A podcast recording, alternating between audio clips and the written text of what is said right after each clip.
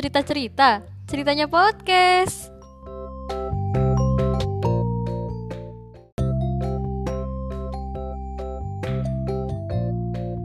Assalamualaikum babaturan sadayana. Kumaha damang? Mugi sehat sareng bakja salawas nanya.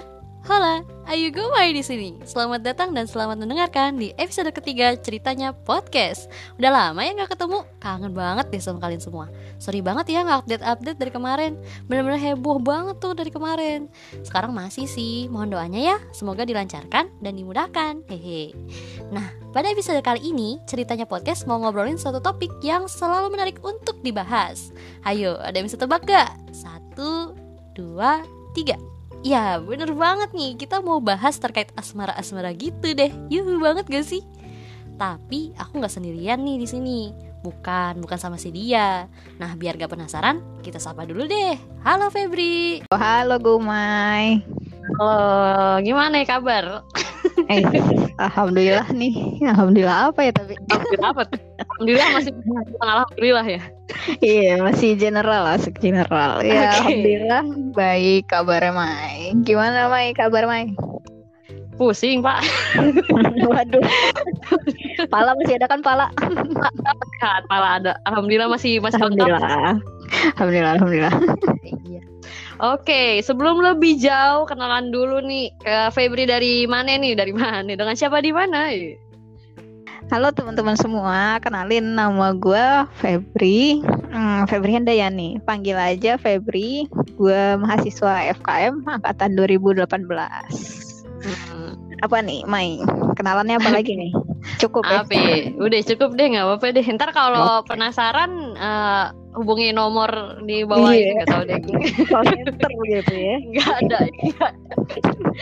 Oke Nggak guys, jadi eh, Febri ini sobi gue banget. Gak tau sih dia mengakui gue sobi juga apa enggak, nggak tahu sih. Ya udah nggak apa-apa deh.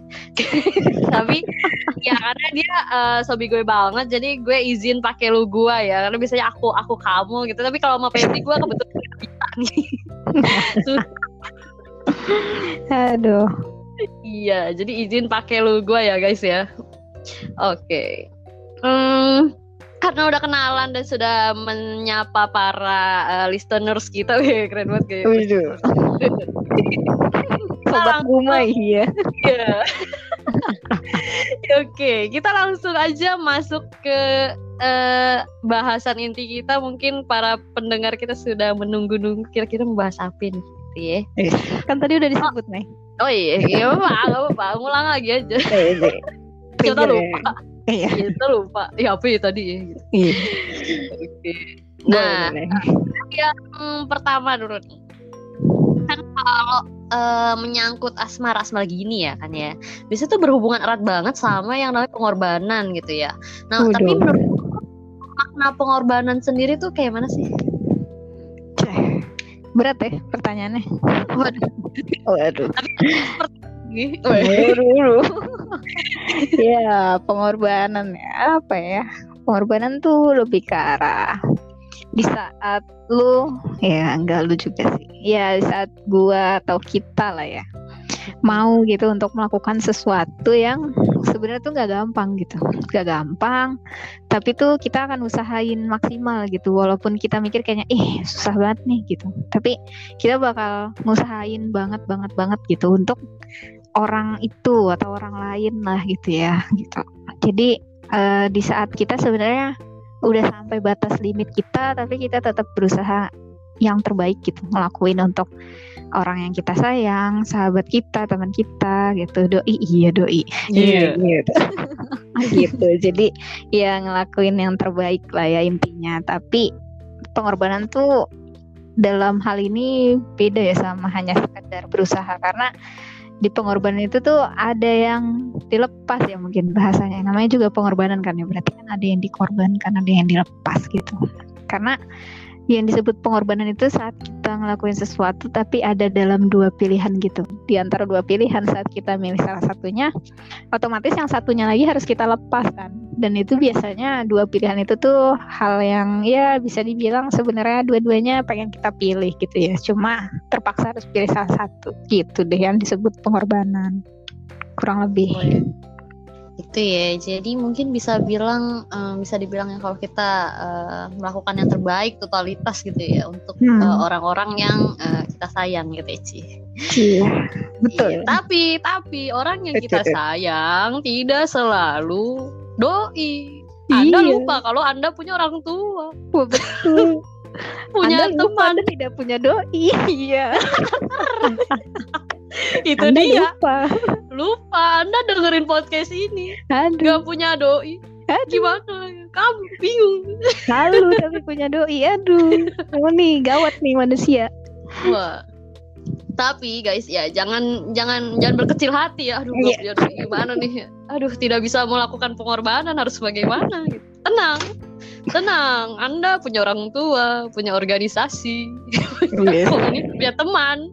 Jangan lupa Anda punya teman, tolong. ya, jadi yang namanya pengorbanan nggak nggak sebatas doi doang ya. Betul. Oke, kita lanjut nih ya. Eh ngomong-ngomongin pengorbanan ya kan, pasti kita punya momen-momen pengorba- pengorbanan yang mungkin itu ih berkesan banget gitu ya. Febri punya nggak tuh eh, momen pengorbanan yang paling berkesan? Momen ya ada sih. Weh, gimana tuh? Tapi iya, gue tuh kalau yang lebih berkesan di gue ya bukan momennya sih, tapi di saat gue berkorban buat siapanya gitu. Itu tuh lebih terke- lebih teringat ya teringat gitu. Cuma disclaimer nih, gue tidak punya doi, jadi yang gue Eh. ceritakan tidak doi gitu ya, tapi sahabat sahabat gue gitu. Ya, ada ya beberapa momen di mana gue eh, apa ya? eh, ya buat organisasi, buat sahabat gue gitu ya. eh pernah waktu itu momennya ya sahabat gue sih ya satu organisasi gitu ya sama gue karena kan emang gue organisasinya nggak banyak-banyak. Jadi eh, ada momen di mana ya gue tuh eh mau banget gitu ngelakuin suatu hal yang padahal waktu itu kondisi gue juga lagi nggak fit gitu lagi nggak sehat lagi nggak inilah. Waktu itu belum pandemi ya waktu itu belum pandemi masih bolak-balik kampus gitu ya masih kuliah bolak-balik kampus. Terus kayak ya you know lah akademik kayak gimana gitu kan ya RIK gitu. Yoi. sampai malam gitu lu nugas gitu kan. Terus kayak masih ngurusin organisasi juga bis kayak gitu gitu. Jadi waktu itu momen ada di mana gue tuh tipes sebenarnya. Gue tipes terus sebenarnya sama ibu gue nih gue nggak nggak boleh kuliah nih. Sama dokternya juga nggak boleh kuliah gitu. Cuma waktu itu ada momen di mana di organisasi gue ini gue harus ada standby gitu untuk sahabat gue gitu. Karena lagi mempersiapkan lah gitu. Sampai ada ya namanya organisasi ada dinamika ya pasti ya kan. Gak mungkin Yoi lancar-lancar aja ya. Apa emang jalan tol kan kagak ya gitu. jadi ada dinamika lah ya gitu. Terus kayak udah gue lagi tipes ada dinamika gue pusing gue pingsan. Oke fix. Ya coba gitu deh. Gue kayak ngebela-belain kayak gue udah tahu gue lagi sakit. Terus kayak gue masih bela-belain buat bantu sahabat gue gitu. Nah terus juga ya di pandemi ini juga momennya sama ya momennya sama. Kayak gue harus ngebantu sahabat gue di organisasi juga gitu kan. Ya sahabat yang berbeda sahabat yang berbeda nggak tuh? Ya orangnya beda Iya. gitu. Cuma ya momennya mirip lah. Terus kayak lebih ke arah kalau pandemi ini ya lu tau lah ya nggak cuma anak Erika pasti semua anak UI ya UI gitu. Ya akademiknya gila gitu ya. Pas udah pandemi gitu kayak tugas abrek apa apa kayak lu apa apa depan laptop mulu ngerjain tugas mulu. Terus kayak kita gitu kita ya lu sama gue masih sempet sempetnya organisasi gitu kan kayak ya Allah ini orang gabut banget apa gimana? gitu kan. Masih sempat Iya. organisasi di tengah kesibukan. Ya adalah dalam suatu tim gitu ya gue ya ada sahabat-sahabat gue setim di situ. Dan ada momen di mana salah satunya itu ya banyak kendala lah untuk mengerjakan itu secara rutin gitu. Jadi ya kayak kendalanya entah itu dianya yang nggak bisa standby atau dianya yang nggak fit sakit gitu. Ya guanya pun merasa gue harus membantu gitu ya membantu dia gitu. Apalagi kalau kondisinya lagi sakit gitu kan nggak mungkin ya gue paksa-paksa dia untuk ngerjain. Ya walau sebenarnya faktanya gitu. Guanya juga lagi sakit gitu. Gue lagi sakit juga lagi pusing juga capek juga. Cuma gue ngerasa kayak ya gue haruslah bantu dia dia kan sahabat gue gue haruslah backup dia gitu kan. Atau senggangannya minimal ya gue haruslah untuk membuat dia tidak mengerjakan dulu gitu kan. Kalaupun guanya nggak bisa backup. Ya momen-momen kayak gitu sih yang menurut gue ya terkenang banget lah gitu kan. Hitungannya kayak mondar mandir offline sama mondar mandir online. Ya sama capeknya menurut gue dan pasti kan ya kayak gitu ya yang tadi gue bilang pengorbanan itu kan milih di antara dua pilihan gitu ya. Kalau yang gue lakuin itu kan lebih ke arah gue milih sahabat gue apa diri gue sendiri nih gitu. Dan gue emang lebih keseringan tuh milih sahabat gue sih dibanding diri gue sendiri. Nah di sini tuh sebenarnya jadi kelemahan juga ya kalau menurut gue maksudnya kayak kita berkorban tuh sebenarnya gak harus ngorbanin diri sendiri juga gitu. Cuma di gue pribadi tuh selalu kayak gitu gitu. Jeleknya gue di situ sih paling ya. Jadi ya itu sih yang berkesan banget ya. Kayak capek mundur mandir offline sama capek mundur mandir online tuh cuma buat sahabat-sahabat gue gitu. Bini keren banget ya nih. Teman gue emang paling paling udah mau tidur tipes loh. Hmm. masih ngampus coba. Ih gue mending tidur di rumah. Oh iya loh gue harusnya tipesnya cuma dua minggu gue tipesnya jadi sebulan. Tuh kan? Emang paling-paling nih orang. Coba. Tipes. Tipes orang udah infusan dia masih warawiri naik motor. Heran. Ya, aduh aduh. Ya oke okay, kita lanjut ya ke pertanyaan yang terakhir gitu. Eh, nah. terakhir aja nih. Oh iya cepet ya. Soalnya kalau kagak sampai subuh. Oke oke, apa tuh terakhir? Oke, yang terakhir, nih kan namanya pengorbanan tuh kan nggak selalu uh, manis ujungnya gitu kan ya. Nah, kalau udah kayak gitu, lo nyikapinnya gimana tuh? Hmm, seru nih, panjang lagi nih gue ngomong. Oh, sampai subuh, enggak dong. ya, jadi ya namanya berkorban ya. Kalau gue ini ada sahabat gue lagi yang bilang ya kalau gue tuh tipenya orangnya itu selalu untuk orang lain gitu jadi memang apa yang gue lakuin tuh kebanyakan buat orang lain gitu nah menurut gue ya saat kita memilih buat berkorban gitu ya. Kita tuh pasti tuh nggak ngarepin hal lain sih maksudnya nggak ngarepin balasan selain ngelihat orang itu seneng gitu ya. Kayak kan kita berkorban buat membantu dia lah ya hitungannya gitu. Saat ngelihat dia senang tuh pasti ya ya udah gitu. Itu udah cukup gitu kalau menurut gue ya. Nah kalau misalkan gak berujung manis nih sebenarnya biasanya definisinya orang ngedefinisiin gak berujung manis tuh kan kayak nih gue udah capek-capek berkorban kok. Nih orang gak baik ya sama gue kok nggak ngasih gue something atau nggak bersikap sama ke gue gitu. Kadang kan orang kayak gitu ya. Cuma kalau menurut gue di saat gue memutuskan untuk berkorban itu berarti gue udah mengesampingkan tuh balasan-balasan dari orang-orang itu gitu. Kayak yang penting ngeliat dia lancar-lancar aja senang-senang aja tuh menurut gue cukup gitu. Cuma kalau misalkan pada akhirnya harus pahit gitu. Ya maksudnya disikapin nggak baik gitu. Kayak ya ya udahlah gitu. Ya ya kesel mah pasti ya. Bisu mah pasti gitu. Kayak apaan sih nyuri gitu. Ya kok gue udah baik kok lu gitu gitu. Ya pasti ada lah manusiawi kan gitu. Hmm. cuma menurut gue kayak ya ya udah gitu. Senggangannya kan gue udah nyoba baik gitu ya. Atau bisa juga nih gue kasih kisah kasih kisah.